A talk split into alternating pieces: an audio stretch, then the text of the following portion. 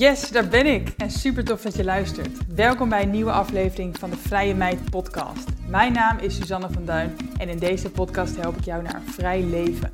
Vrijheid is mijn belangrijkste kernwaarde. In de Vrije Meid podcast leer je hoe ook jij meer vrijheid kan ervaren door locatie onafhankelijk te ondernemen en online geld te verdienen. Vind je deze aflevering interessant? Deel hem dan vooral op Instagram en vergeet mij niet te taggen.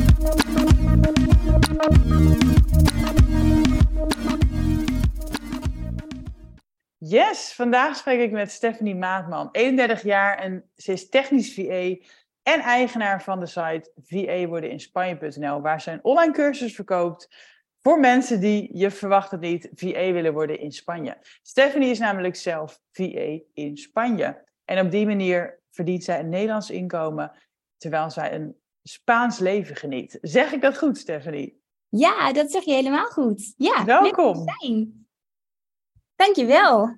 Ja, superleuk dat je er bent. Ehm, ik wil je vandaag uh, nou ja, interviewen over jouw keuze om naar Spanje te verhuizen, om VA te worden, hoe je dat aanpakt ehm, en ook waarom jij de switch hebt gemaakt deels naar um, van uurtje voor tuurtje werken naar een online product verkopen en, en mhm. wat voor tips je daar hebt ook uh, voor anderen. Ja. En nou ja, ik ben ook überhaupt wel heel erg benieuwd naar, uh, naar hoe jouw leven eruit ziet.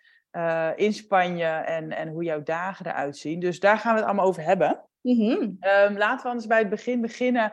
Althans, het begin van jouw Spaanse avontuur. Wanneer oh. en waarom dacht jij op een gegeven moment: ik ga gewoon verhuizen naar Spanje? Ja, nou, ik zat um, in Australië al twee jaar op dat moment. Ik woon in Sydney. En mijn visum liep bijna af, dus ik moest daar weg en ik moest iets. En ik wilde heel graag een grote reis maken, maar ik had bijna geen geld om dat te gaan doen. Ik wilde echt een jaar weg. Ja, daar heb je toch echt wel heel veel spaargeld voor nodig.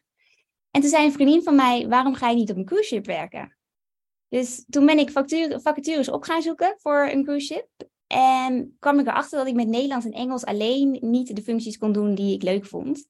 En dat daar een grote Europese taal bij moest. Dus toen mhm. dacht ik van, nou weet je wat, dan verhuis ik naar Spanje. Dan ga ik een jaar lang Spaans leren. En dan ga ik dan um, op een cruise ship werken in Human Resources wilde ik graag werken. Dus dat was het plan. Ja. En zo ben ik naar Barcelona verhuisd. En um, ik ben begonnen met 20 uur in de week aan Spaanse les. Mm -hmm. En dat is leuk, maar dat is niet iets wat je heel lang volhoudt. 20 heel uur rijtjes stampen, vocabulaire stampen. Um, daar werd ik gewoon zo moe van dat ik dacht van, nou weet je, ik maak er drie uur van en ik doe gewoon mijn best om binnen een jaar fatsoenlijk Spaans te leren en dan lekker op een cruise ship te gaan werken. Mhm. Maar Barcelona is een hele leuke stad met heel veel afleiding, dus dat is er nooit van gekomen.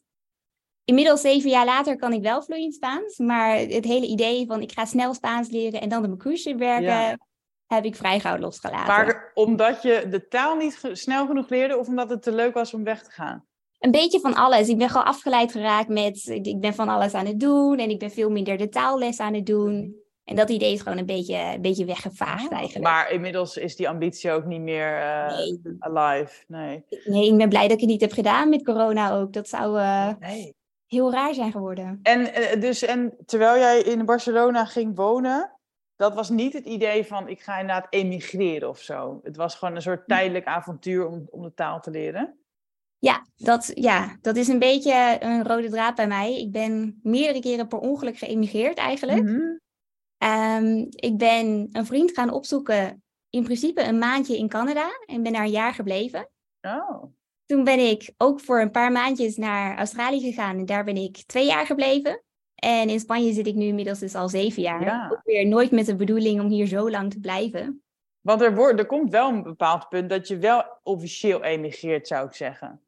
Ja. Of, want je staat niet meer in Nederland ingeschreven, toch? Uh, nee, ik heb me uitgeschreven inderdaad uit Nederland. Ik heb me nu weer terug ingeschreven. Dus ik ben nu in principe deels in Nederland en deels in Spanje. Ah.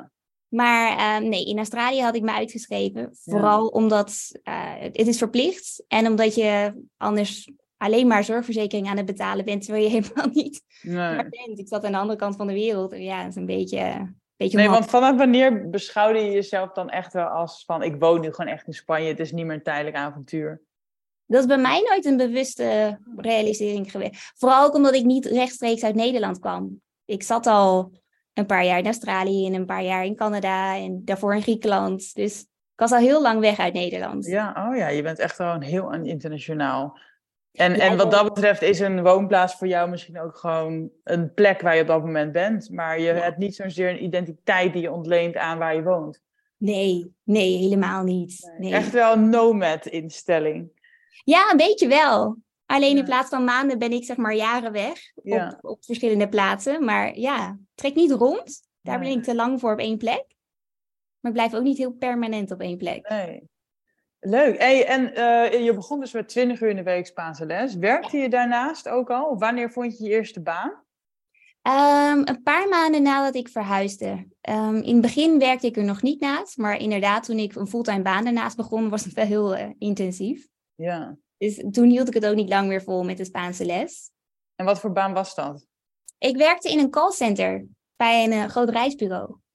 En dan in het Engels of Nederlands? Of... Allebei, allebei. In principe in het Nederlands, maar wat zij doen is op het moment dat ze... eh, ze huren iedereen flexibel in. Dus iedereen kan Nederlands en Engels. Mhm. En als ze voldoende telefoontjes in het Nederlands hebben beantwoord, dan spring je bij op een andere lijn. Ja, oh ja.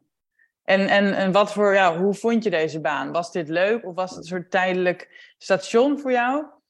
Ik vond het vreselijk. Ehm, ik ben er sowieso begonnen met, nou ja, het is maar voor eventjes totdat ik een leuke baan vind. Ja, En dat bleek de houding van iedereen te zijn. Ik had daar 600 collega's die eigenlijk allemaal hetzelfde riepen, al jarenlang. Dit is tijdelijk.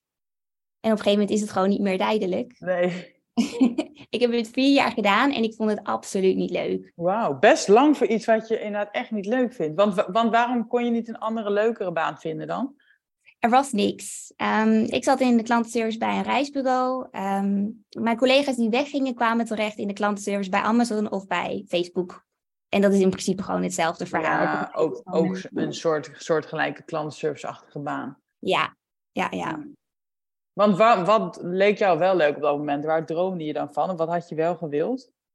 Dat weet ik niet. Ik denk gewoon meer een soort van een, kantoorbaan met ook echt doorgroeimogelijkheden en een, goed salaris en sowieso wat beweegruimte om zelf input te hebben. Want Mhm. in zo'n groot bedrijf, in de klantenservice, heb je nul eigen input. Ja. Gewoon echt alleen maar doen wat er verteld wordt en klaar. Maar die banen waren er niet. Komt dat omdat de economie in Spanje slechter is of, of een andere reden? Ja, Ja. sowieso, er is weinig werk ehm, waar ik zat in Barcelona. En wat er is, kijk, dingen die je wel echt op HBO-niveau kunt gaan doen, eh, betalen zo slecht dat het bijna de moeite niet waard is om Hmm. je daarin te verdiepen. Nee, nee dan, is het goed, dan is het beter om bij een Nederlands reisbureau in callcenter te werken. Ja. Dan, inderdaad, oké. Ja. Hmm, en, en je hebt het vier jaar gedaan. En Ja. dat, dat cruiseschip was ook niet meer een, eh, Nee. een ambitie. Wanneer kwam voor jou weer een nieuw punt dat je dacht van, en nu is het klaar, ik, ik, ik ga toch iets beters ervan maken? Ik kreeg een, een burn-out, die begon zich te ontwikkelen eigenlijk in het laatste jaar van die vier jaar al. En dat was echt paniekaanvallen en ik zat constant te trillen, ik raakte mijn stem kwijt. En ik moest ook nog eens de telefoon opnemen terwijl ik geen stem meer had. En met het bedrijf kon ik niks. Ik probeerde te onderhandelen. Ik zei, jongens, ik heb vandaag geen stem van de stress. Kan ik in ieder geval e-mails beantwoorden? En dat mocht niet. Dus daar liep het gewoon steeds meer vast. En toen kwam corona. Toen begonnen we thuis te werken. En toen begonnen de roddels van, we worden wegbezuinigd. Er werd een derde van het hele klantenservice team wegbezuinigd. Ergens in de wereld. Dus wij zaten daar heel erg op te hopen. En na zes maanden niet weten kwam dan uiteindelijk in een functioneringsgesprek het soort van goede nieuws, maar voor mij niet dat wij niet wegbezuinigd zouden worden. Oh, dat je mocht blijven.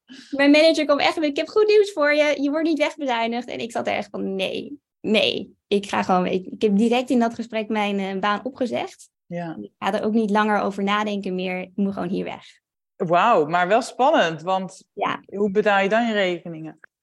Ja, nou, ik had ehm 8000 euro op mijn spaarrekening staan, dus ik kon een tijdje vooruit. En ik had wat rondgekeken naar andere opties. En ik had eh, vertaalklussen gevonden op het internet waar je iets van 5 euro per uur voor verdient. Dus ik dacht, nou, als ik daar er een paar van kan doen per maand, dan rek ik mijn spaargeld een beetje uit. Dus zo is het idee. 5 euro per uur. Ja, ja. Oh, ja, Oké.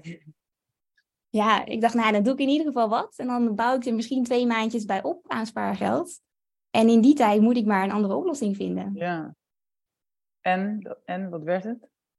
Uh, het bleek dat het, het, vertaalwerk groeide eigenlijk uit tot ook VA-werk. En na drie maanden echt volop werken had ik uh, in de derde maand 2300 euro verdiend. Wow. Ja. Uh, ik was een beetje uitgegaan van 200 of 300 euro per maand. Dus dit was tien keer zoveel. En toen keek ik ineens naar mijn spaarrekening. En toen dacht ik, ja, ik ben niet mijn spaargeld aan het uitrekenen. Ik ben mijn spaargeld aan het bijvullen ja. met het werk. En ik verdiende meer dan in het callcenter. Maar Dus- was dat vooral het vertaalwerk? Nee, dat was, ik was, na het vertaalwerk had ik een VA-klant gevonden. Mhm. Want, want, want even, even stop hoor, maar wist jij op dat moment wat een VA was? Wat is een VA überhaupt en hoe kwam jij op het idee om dat dan te worden? Ja, nou, ik dacht ik ga gewoon vertaalklusjes doen. En ik was ondertussen aan het googlen naar iets wat ik ook zou kunnen doen, voor de bij nog. En ik zat echt helemaal in de hoek te zoeken van eh, reclames kijken voor geld en dat soort dingen. Daar krijg je een paar cent voor. En toen kwam ik een artikel van jou tegen over dingen die je locatie onafhankelijk kunt doen.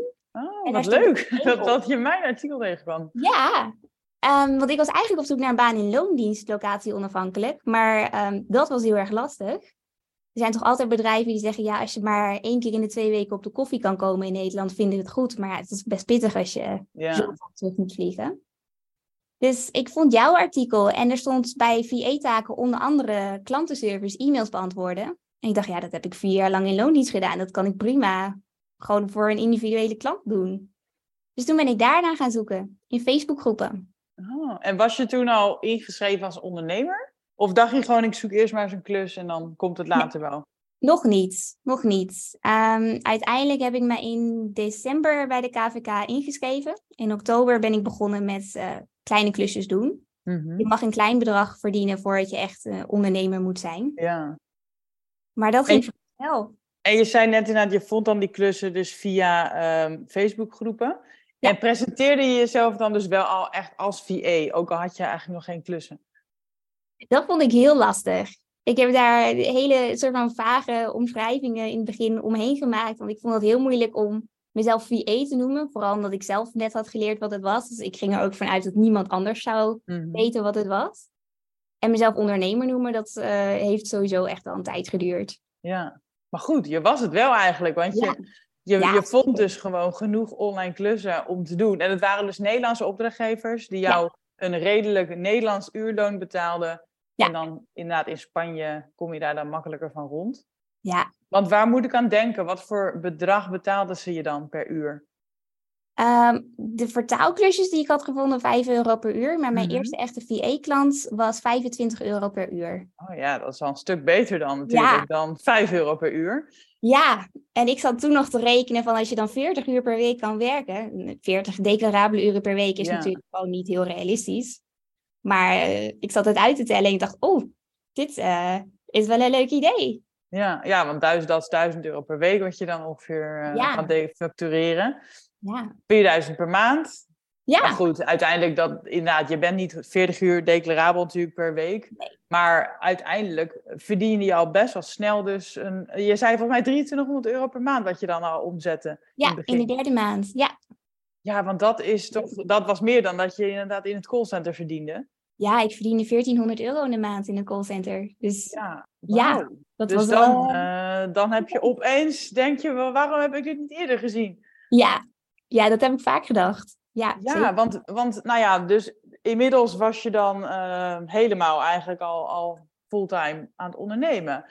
Ehm, zaten daar nog wat belemmerende overtuigingen in? Of ging dit eigenlijk dus best wel snel, deze switch? Nee, er zaten heel veel belemmerende overtuigingen in. Ik kom echt uit een familie waar heel sterk gedacht wordt: wij zijn loondienstmensen, wij zijn mensen die gewoon een baas hebben. Ehm, ook een beetje de lagere middelklasse, dus wij zijn loondienstmensen in de lagere posities, Mhm. onder middelmanagement meestal.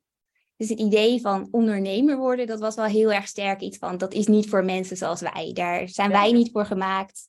Daar moet je ehm, of al rijk voor zijn, of rijke ouders hebben, of mensen die in je familie hebben die ondernemen. Er werd ook een beetje gedacht, mijn vader werkt voor een zelfstandig ondernemer die in het verleden wat dingen heeft gedaan die misschien een beetje grijs gebied legaal waren. Mhm.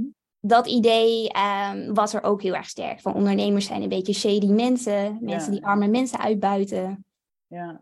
ja, dat was wel best wel een, een ding om overheen te stappen. En voelde jij je dan ook in het begin een beetje zo'n soort van oplichter, die dan dus vanuit Spanje een Nederlands uurloon verdiende en eigenlijk een bedrieger was? Ja, ik durfde ook absoluut niet veel geld te vragen voor mijn diensten. Ik probeerde het zo laag mogelijk te houden. Er kwam voor mij pas een moment dat ik voor mijn klant, mijn eerste klant, voor 25 euro, euro per uur aan het werk was. En dat ze mij vroeg om een e-book dat zij geschreven had na te lezen. En Mhm. dat e-book ging over VA's. Oh. En in dat e-book gaf zij aan, beginnende VA's rekenen 35 euro per uur. Oh. En ik zat voor haar te werken voor 25. Dus ja, toen dacht ik natuurlijk van, hé. Hey, Ho, ho. Heb je er toen gewoon gezegd van, hé, hey, eh, je zegt zelf 35, dus eh, tientje erbij. Ja, ja. Ik heb haar inderdaad gewoon een mailtje gestuurd. We hebben een, een prima relatie. Dus ik heb haar een mailtje gestuurd en gezegd... joh, we zijn al een paar maanden bezig. Ik zie dat jij vindt dat een startend VA eh, 35 euro verdient. Ik denk dat we omhoog gaan. En toen zei ze, oké. Ze zei, ik zat er al een beetje op te wachten... wanneer je het eh, een keer zou zeggen. Dus Ja. ja, nee, dat ging... eh, Wauw, dus opeens verdiende je toen 35 euro per uur. En zag je dat dan ook meteen terug in je maandinkomsten? Of was het alleen bij die klant? Ehm, die bleven een beetje hangen in het begin. Ik denk dat ik aan een bepaald soort inkomen gewend was. En dat ineens dat ik langer ging doen over Mhm. dezelfde hoeveelheid werk. Ehm, Ja, herkenbaar hoor. Dat je een beetje zelfsabotage, hè? dat je gewoon Ja. denkt van dit is wat ik verdien. ja, En ook al verdien ik per uur meer, dan ga ik minder werken of langer erover doen. Of... ja, die declarabele uren zijn niet hoger geworden. Het is niet dat ik ineens meer, meer tijd ging declareren. Maar gewoon dagdromen of, weet niet, mezelf afleiden. De noodzaak is eraf, hè dan? Ja, Misschien. ja, ja. Heel Ja, ik heb ook ehm, wel eens Kim Munnekom geïnterviewd. En die heeft het ook altijd over de financiële thermostaat. En Ja. jouw financiële thermostaat die staat misschien dan op 2300 euro ingesteld. Ja. En, en dat is dan genoeg. En als je dat dan bereikt hebt, dan word je toch een soort luiig. Of je gaat jezelf saboteren, waardoor het ook niet meer kan worden. Ja, ja, dat heb ik heel erg gemerkt. Hoe ben je daar uiteindelijk toch uitgekomen? Als het tenminste omhoog is gegaan. Het is omhoog gegaan. Ehm, ik heb heel veel mindsetwerk gedaan. Ik denk dat het voor een deel is. En ik ben ook gaan nadenken van, ja, weet je, oké, maar het is leuk dat ik dit verdien, maar ik moet ook rekening houden met mijn pensioen. Ik wil op een gegeven moment een huis kopen. Ja, dat kan er gewoon niet af. 2300 euro per maand lijkt veel als je net uit loondienst komt. Ja. Zeker als je uit een laag betaalde, betaalde loondienstfunctie komt. Maar na een tijdje, als je gaat nadenken over vakantiegeld en AOV en dat soort dingen, dan hm, Ja. moet je toch wat meer eh, gaan doen. Ja, en ik denk dat we dat allemaal als ondernemer wel wat vaker mogen beseffen, weet je wel. Je, ja, het klinkt op papier veel en misschien dat loondienstvrienden ook zeggen van, oh, wat veel. Ja, Maar inderdaad, bedenk wel even hoe, welk risico je toch ook wel hebt en welke verantwoordelijkheid je allemaal voor zelf moet pakken. Hè? Als jij inderdaad, als jou nu iets overkomt, dan zit, sta je op straat. Of, eh, ja, ja, Ja. Dus ja, dat heel erg. En ik denk ook gewoon de mindset ehm, van, ja, weet je, je wil ergens in groeien. Ik wil ook niet blijven hangen in wat ik in het eerste jaar bereikt heb. nee. Nee, ja, de inflatie, ik bedoel, alles Ja. wordt ook duurder, dus jij ook. En je wordt ook beter in je vak, dus eh, het is Ja. logisch eigenlijk dat je omhoog gaat. Ja, Hoe, waar zit jouw uurtarief nu op? Inmiddels ben je weer boven die 35 euro? ik zit nu op 60 sinds Oh. dit jaar. Ja, Ja. Ik- dus je hebt wel wat flink wat groei gemaakt, ja. Ik heb cursussen gedaan ook om me te specialiseren. Dus ik heb nu echt, ik doe niet meer het normale inbox en klantenservicewerk. Ik heb nu Mhm. echt dingen waar je gewoon specifiek cursussen voor moet doen, die vrij technisch zijn, ehm, die ik niet in mijn eerste jaar zou kunnen hebben gedaan. Nee. Vandaar ook dat het tarief omhoog is gegaan. nee, precies, want je bent nu technisch VA, hè? Ja. Dus eh, kan je uitleggen wat dat dan is voor mensen die dat niet weten? Ik bouw voor online ondernemers eh, websites en leeromgevingen. Dus als je een cursus aanbiedt, dan bouw ik het platform waar de cursuscontent in terechtkomt. Oh ja, ja. Dus dat zijn eenmalige klussen eigenlijk ook, hè? Is Ja, dat een dat bewuste het, keus? Ja, dat is een hele bewuste keus geweest. Ik had eh, anderhalf jaar geleden een situatie waarbij ik uitgenodigd werd voor een supergave reis, tien dagen. En we zouden over drie dagen al gaan. Dus ik had drie dagen de tijd om van mijn klanten vrij te vragen, of te overleggen dat ik er niet zou zijn. En ik had zeven klanten en zes daarvan vonden het goed. En eentje van die klanten had moeite met één van de tien dagen, waardoor ik uiteindelijk niet kon gaan. Oh, omdat je En- elke dag voor die klant werkt. Ja, ja. Ja. ik zat voor haar in een Facebookgroep berichtjes te checken. En dat moest elke dag gebeuren. Dus zij kon mij niet missen die dag. En ik kon niet garanderen dat ik op die bestemming internet zou hebben. Want Ja, ze zouden ja. gaan kamperen. Dus ik kon niet mee. En om het nog erger te maken, een maand later raakte haar man zijn baan kwijt. En heeft zij haar man aan moeten nemen voor mijn functie. En Ja. mij moeten ontslaan, omdat ze het anders financieel niet redden. Oh, Ben de klant alsnog kwijtgeraakt. ja. Dus dat was voor mij een moment dat ik dacht, ik wil niet meer van die klantenservice klusjes doen waar ik gewoon echt elke dag aanwezig moet zijn. Ik wil dat Nee, zelf nee. Nee, want inderdaad, je bent natuurlijk wel locatie onafhankelijk in de zin van je kan overal werken zolang er internet is. Ja. Maar inderdaad, je bent ook een beetje slaaf van je eigen opdrachtgevers. Want Ja. je moet er elke dag weer zijn. Dus dat doe ik niet meer. Ik neem geen klussen meer aan waar ik op specifieke dagen of tijdstippen moet werken. Dat wil ik echt zelf kunnen bepalen. Ja, maar wel mooi hoe dat zich ontwikkelt. Hè? Want in het begin ben je heel erg blij met eh 25 euro per uur en een hè, eigen, eigen baas zijn. Ja. En, en op een gegeven moment verandert dan die vrijheid. Hè? Dan wil je inderdaad meer verdienen. Je wilt on- op andere voorwaarden werken. Je wilt niet meer inderdaad elke dag ergens moeten zijn online, maar in je eigen tijd werken. Ja. Ik ja, het wordt steeds mooi. bewijzender eigenlijk. Maar het kan Ja. ook wel. Ja, nou, ik vind het ook logisch. Ik snap het zelf ook. Eh, je groeit inderdaad ook weer als persoon en alles is relatief of zo. Hè? Op een gegeven moment ontgroei je dan weer wat je eerst heel erg leuk vond. Ja, absoluut. En inmiddels dus technisch VA en je, je hebt nog steeds Nederlandse klanten en vind je die nog steeds ook via Facebookgroepen? Als het nodig is wel, maar ik heb eigenlijk eh, al een hele tijd niet meer heel actief gezocht naar nieuwe klanten. Ehm, heel af en toe heb ik nog een momentje dat het een klein beetje stilvalt en dat ik dan een beetje in de stress schiet en gauw klanten ga zoeken. Maar de laatste anderhalf jaar merk ik toch wel dat er altijd wel weer iemand terugkomt, een oud klant, of dat ik aanbevolen word via een oud klant. Toevallig nu net vandaag weer een nieuwe opdracht gekregen van een oud klant van mij. Dus Ja, dat is toch fijn. En dat kan je je in het begin niet voorstellen. Hè? Tenminste, ik had altijd zoiets van, hoe vind je elke maand weer nieuwe klanten? Maar op een gegeven moment weet je gewoon dat het weer komt, dat mensen je leren kennen, dat ze inderdaad via via. En dan heb je ook dat vertrouwen dat het wel weer goed komt. Ja, ik heb een periode, een jaar lang bijna niks gedaan met social media en, en niet gezocht naar nieuwe opdrachtgevers. En geen problemen gehad met werk. Dus Wauw. ja, Dus je hoeft niet de hele dag op Instagram te zitten en te schreeuwen dat je klanten nodig hebt. nee, zeker niet. Sterker nog, ik heb dat een paar keer gedaan toen ik een klant nodig had en niks uitgehaald. Dus Oh, ja. ja, nee. Wauw. Hey, en even de, de switch, hè? want je bent inmiddels dus ook eigenaar van VA worden in Spanje.nl. Dat is een online cursus voor mensen die VA willen worden in Spanje. Ehm, hoe kwam je erbij om dit te gaan doen? En eh, waarom? Wa- Wat, wat, wat triggerde dit? Ik realiseerde me dat er gewoon heel veel mensen zijn die in dezelfde situatie zaten als ik. Ehm, voor mij was dat in Barcelona dat ik daar zat en gewoon geen werk kon vinden. Het werk wat er was, was of niet leuk of slecht betaald of allebei. Ehm, en toen dacht ik, ja weet je, ik ben daar niet de enige in. En ik heb het zo leuk nu met het werk dat ik heb. En als ik die burn-out niet had gehad, had ik deze stap niet genomen. Dan had ik nu nog steeds gezegd van, ah, maar dat is niks voor mij. Of dat kan ik niet, of ben ik niet goed genoeg voor. En dat vind ik zonde. Dus wat ik graag wil, is andere mensen laten zien van dit kun jij ook. En je hoeft daar niet een speciaal bijzonder mens voor te zijn om te kunnen ondernemen. Het is Nee. niet heel risicovol, je hoeft niet 10.000 euro op je spaarrekening te hebben staan. Het valt allemaal best wel mee. Het is mij heel erg meegevallen hoe moeilijk het was, hoe Ja. eng het was. Dus daar wil ik andere mensen mee helpen. Ja, mooi. Mooie motivatie. En, Ja. en hoe pak je dat dan concreet aan? Want eh, nou ja, je bent natuurlijk technisch VA, dus je snapt zelf ook wel dus hoe je leeromgevingen maakt voor anderen. Dus toen dacht je, dit kan ik ook voor mezelf maken. Ja, ik zat constant cursussen te maken voor andere mensen. En ik dacht, ja weet je, ik ben, ik ben gek. Ik kan zelf ook een cursus maken. Ja. Dus- Daar is het idee eigenlijk begonnen. Vooral ook omdat het een, een schaalbaar inkomen is.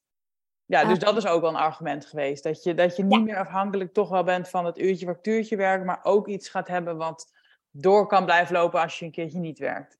Ja, en wat ook groter kan worden. Ik bedoel, ja, het is leuk dat ik websites bouw, maar dat is niet een beroep waar ik op een gegeven moment 10.000 euro per maand mee kan verdienen. Ik bedoel, dan heb ik nooit meer een vrije dag. Ja, Er zit ook een plafond aan hoeveel je voor één bepaald product kan, kan vragen. ja. ja, want inderdaad, de uurtarief heeft een soort plafond en je aantal uren hebben een plafond. Dus op een gegeven Ja. moment is het gewoon vol. Ja, dus daar is het eigenlijk mee begonnen. Dat ik een schaalbaar verdienmodel erbij wilde hebben. Maar daar voelde ik me een beetje slecht over. Ik had zoiets van, ja, ik wil niet iemand zijn die een cursus gaat maken vanuit het idee, ik wil lekker makkelijk of lekker schaalbaar geld verdienen. Dus daar heeft voor mij nog een beetje Hmm. wrijving in gezeten. Maar nu ik het echt het onderwerp heb en er ook echt iets achter zit waar ik helemaal achter sta, Ja. voelt het goed. En weet ik dat ik mensen Ja. help met wat ik aanbied. Want je zegt inderdaad makkelijk, eh, makkelijk verdienen. Maar is het nou echt zo makkelijk? Een online cursus maken en eventjes snel passief rijk worden? Nee, nee, het is absoluut niet makkelijk. Ehm, het is denk ik wel een van de moeilijkste dingen die ik ooit heb gedaan. Ik heb er heel veel voor moeten leren, heel veel vaardigheden moeten leren. Het praten op camera, het goed in elkaar zetten van een lesprogramma dat logisch elkaar opvolgt. Daar heeft heel veel in gezeten. Sales vond ik altijd super eng, vind ik nog steeds lastig. Dus er is heel veel persoonlijke groei in.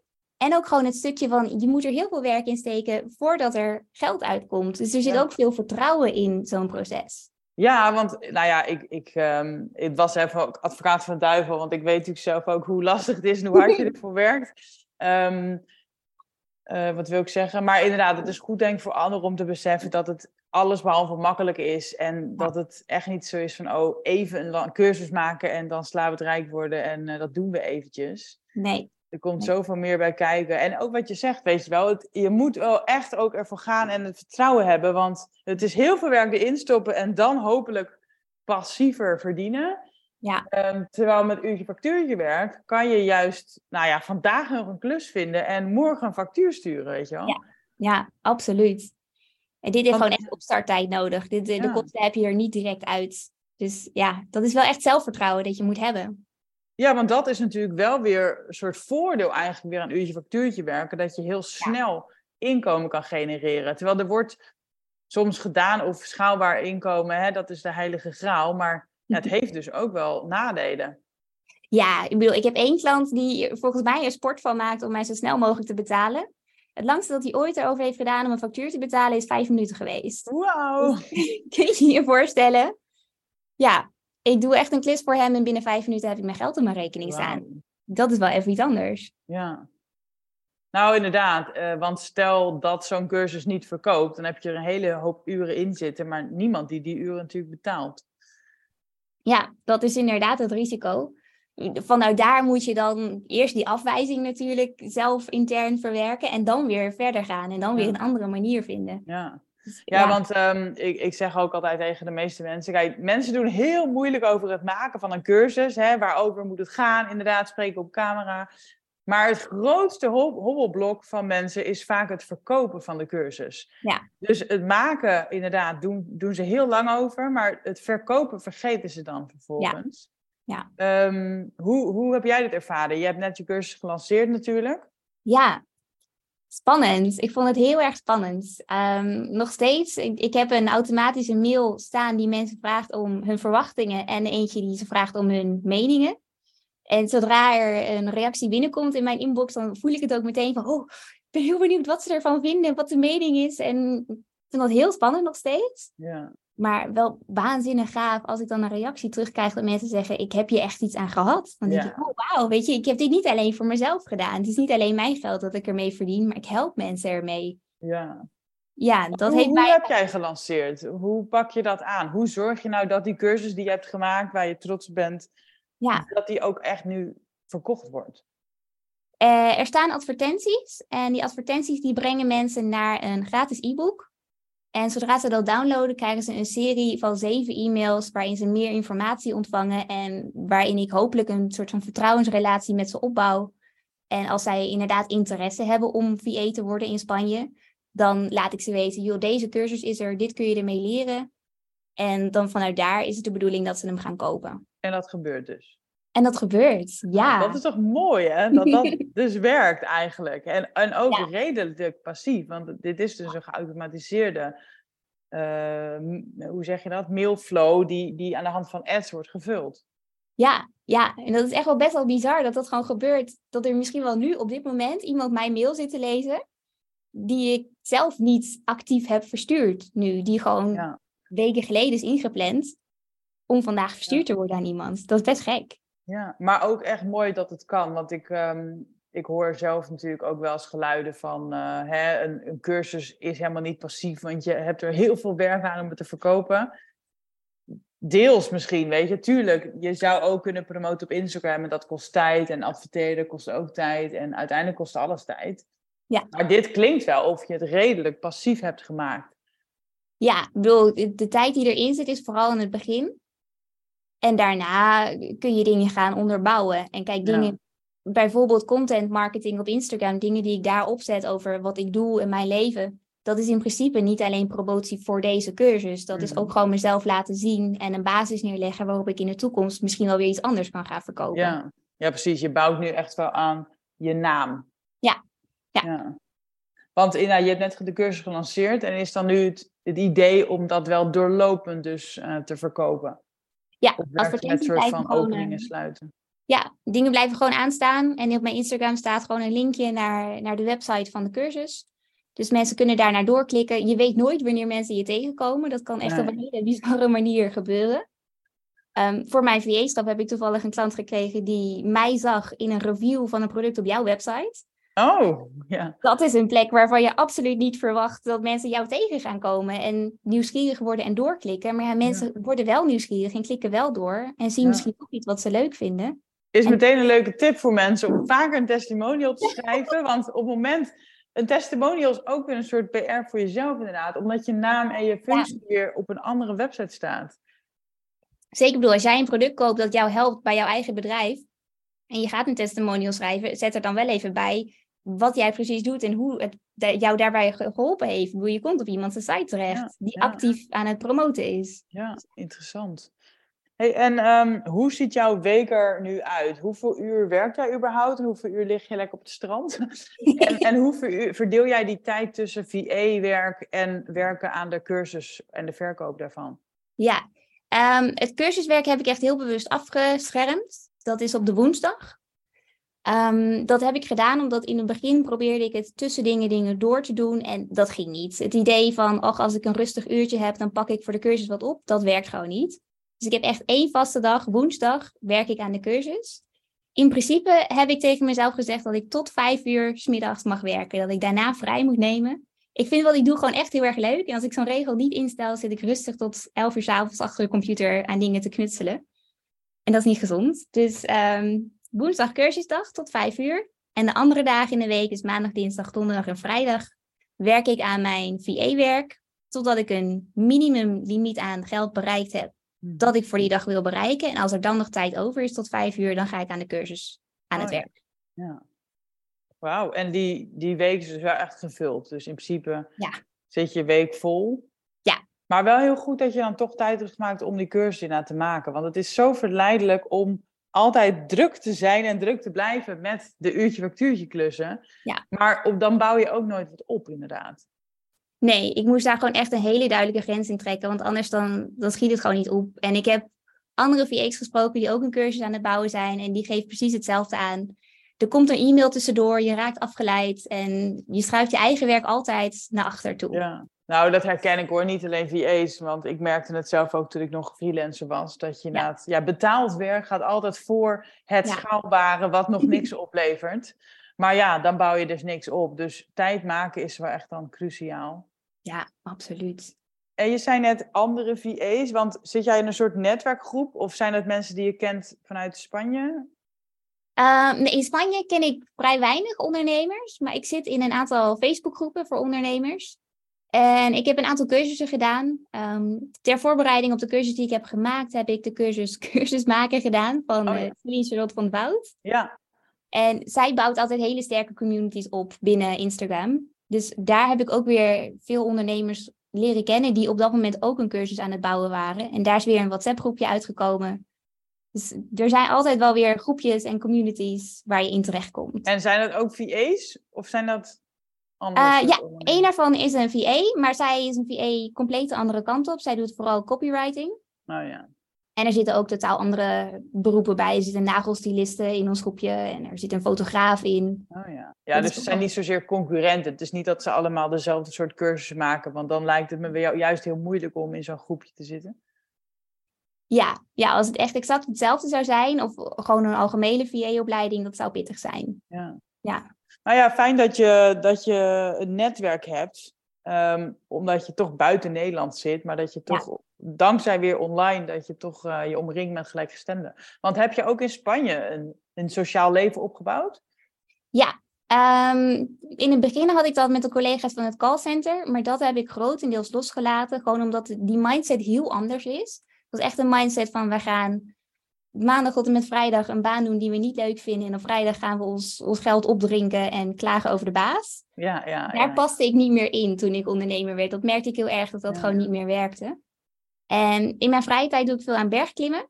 En oh. daar heb ik nieuwe vrienden in gemaakt. En dat is een, een mindset die heel grappig heel erg overeenkomt met de mindset van de meeste ondernemers. Van dingen proberen die je eng vindt. En als het niet lukt, gewoon blijven proberen, blijven doen. Elkaar heel erg aanmoedigen. Maar dat geloof ik wel, want een berg is natuurlijk ook zo'n mooie metafoor vaak. Ja. Wat gebruikt wordt in het ondernemen. Net als surfen of zo, weet je wel. Ik bedoel, uiteindelijk, je valt, je valt, je valt, maar je moet opstaan. En uiteindelijk overwin je het en, en uh, lukt het, ja. En, en, bereik je die top. Ja, ook gewoon heel erg, weet je, die top, die bereik je alleen maar door dingen te doen die je eng vindt. Ik vind bergklimmen heel eng, ik ben bang voor hoogtes. Dus ik heb mijn uitdagingen in de sport die ik gekozen heb. Maar, um, je maar het is dus niet een soort hiken. Het is echt klimmen. Met echt gewoon touwen. En, hoe zeg je dat? Ja, echt met een touw en haken de berg op. Wauw. Echt gewoon zo'n zo'n klif. Gewoon echt ja. ja. Oh, wauw. Ja. Ja, dat is wel... Uh, en, maar dan woon je natuurlijk wel fijn. Want in, in Nederland is zo'n uh, hobby niet uh, denkbaar. Nee, ik krijg die vraag altijd van klim je thuis in Nederland ook al? Dan zeg ik, waar dan? Waar, ja. waar ik op klim? Dat, nee.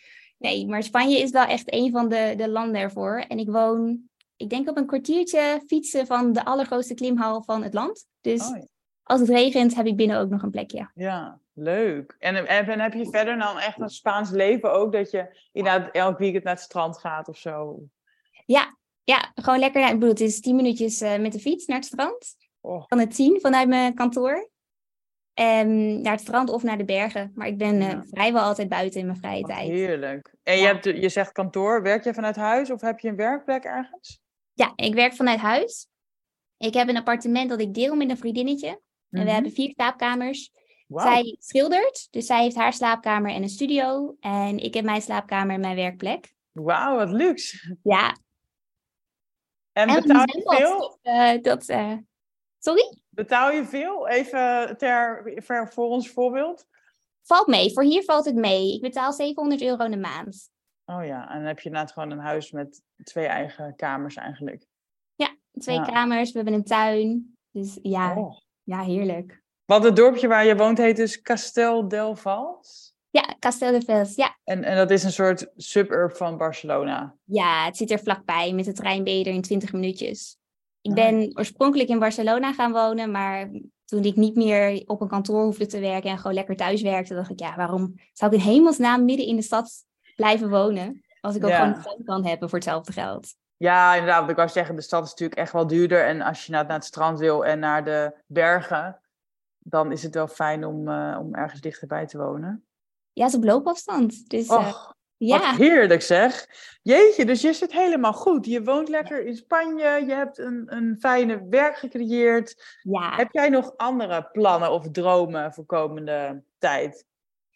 Uh, voor nu heel erg het uitbreiden van de cursus. Daar komt nog veel meer bij. Er is nu een, een basis gelegd met de cursus. Ik wil daar sowieso lessen aan toe gaan voegen. Ik ga aankomende zondag een cursus ChatGPT doen, dus die komt erbij in. Uh, ik wil er nog een stuk aan toevoegen over hoe je emigreert met kinderen. Want dat is een deel waar ik geen ervaring mee heb, maar wat wel heel interessant is voor de doelgroep die ik heb. Ja, en ga je dan iemand anders vragen om die module te maken? Oh, ja. daar ga ik gewoon echt interviews voor, voor afnemen. Ja. En op langere termijn wil ik een huis kopen hier. Ik zit hier echt goed. Dus, uh... Wauw. En, en kan dat? Of hoe werkt dat in Spanje? Moet je dan, kan je gewoon een hypotheek krijgen met, met een bepaald inkomen? Of moet je cash neertikken? Nu niet, nu is dat wat lastig. Ehm, vooral, ja, kijk, ik onderneem nu bijna drie jaar en ben ieder jaar van specialiteit veranderd. En ik ben ook nog eens buitenland. Dus eh, van een Spaanse bank een hypotheek krijgen lastig. En een Nederlandse bank een hypotheek krijgen voor een pand in Spanje is ook wat lastig nu. misschien over een aantal jaar, als ik wat meer kan overleggen qua stabiliteit en inkomsten, dat het makkelijker wordt. Mhm. Maar ik doe er eigenlijk gewoon op om een huis cash te kunnen kopen. Ja, oh wauw. Want wat betaal je een beetje voor een huis in Spanje? Is dat veel goedkoper dan in Nederland?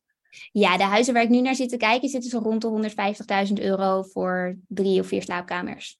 Oh ja, ja, dan heb je gewoon echt een, echt een eigen huisje voor 150.000. En ook gewoon op de locatie waar je nu zit.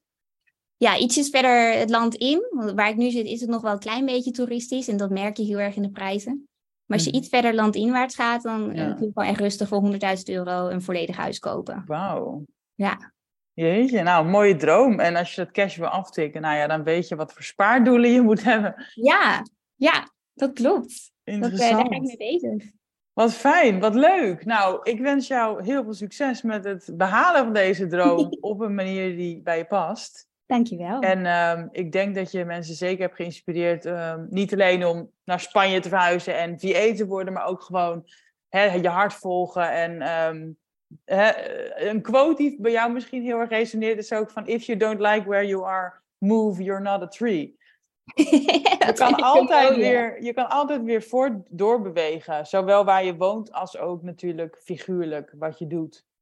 Ja, ik, eh, ik, ik veroorzaak nog wel eens irritatie bij mensen als ze klagen over iets wat ze niet leuk vinden. Dat ik dan vraag, waarom verander je het niet dan? Ja, Dan krijg ik heel vaak, ja, maar ik kan dat niet. En ja, meestal is dat gewoon helemaal niet waar. Ja. En misschien nog één vraag ter afsluiting hoor, dat schiet me even te binnen. Want je zei net heel erg van, hè, ik kom niet uit een ondernemersgezin en mijn familie denkt heel anders. Ja. Hoe gaat je familie ermee om dat jij dit nu doet? Is, snappen die het, zeg maar? Of hebben Nee. die nog heel erg weerstand hierop? Nee, die snappen dat niet. De laatste keer dat ik in Nederland was, eh, zei mijn moeder, weet je, bij ons, eh, bij de Jumbo in de buurt, eh, zoeken ze nog wensen voor als je iets voor de bij nodig hebt, voor als je het niet redt. Dus nee, dat is iets wat ze niet, niet heel goed begrijpen. Nee, Nee. jammer, jammer. Maar ja, jij kan je ook niet door laten tegenhouden. Nee, dat maakt niet uit. Ik bedoel, mensen die dat proberen af te remmen, hebben over het algemeen het beste met je voor. Ze vinden het gewoon eng voor je. Ja, ja het is een eigen projectie. Ja, ja. Ja. Nou, nogmaals bedankt. En ehm, nou ja, tot gauw. En, en als Ja. mensen jou willen volgen of als ze inderdaad meer willen weten, waar kunnen ze jou eh, het beste volgen? Eh, ze kunnen kijken op de website, dus vawordeninspanje.nl of op Instagram en dat is superstef met ph.nl. Oké, helemaal leuk. Nou, dankjewel en muchas gracias. yes, yes. Doei doei!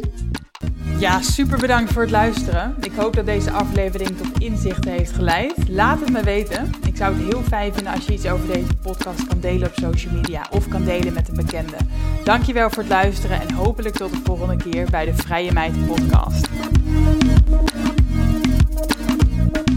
Thank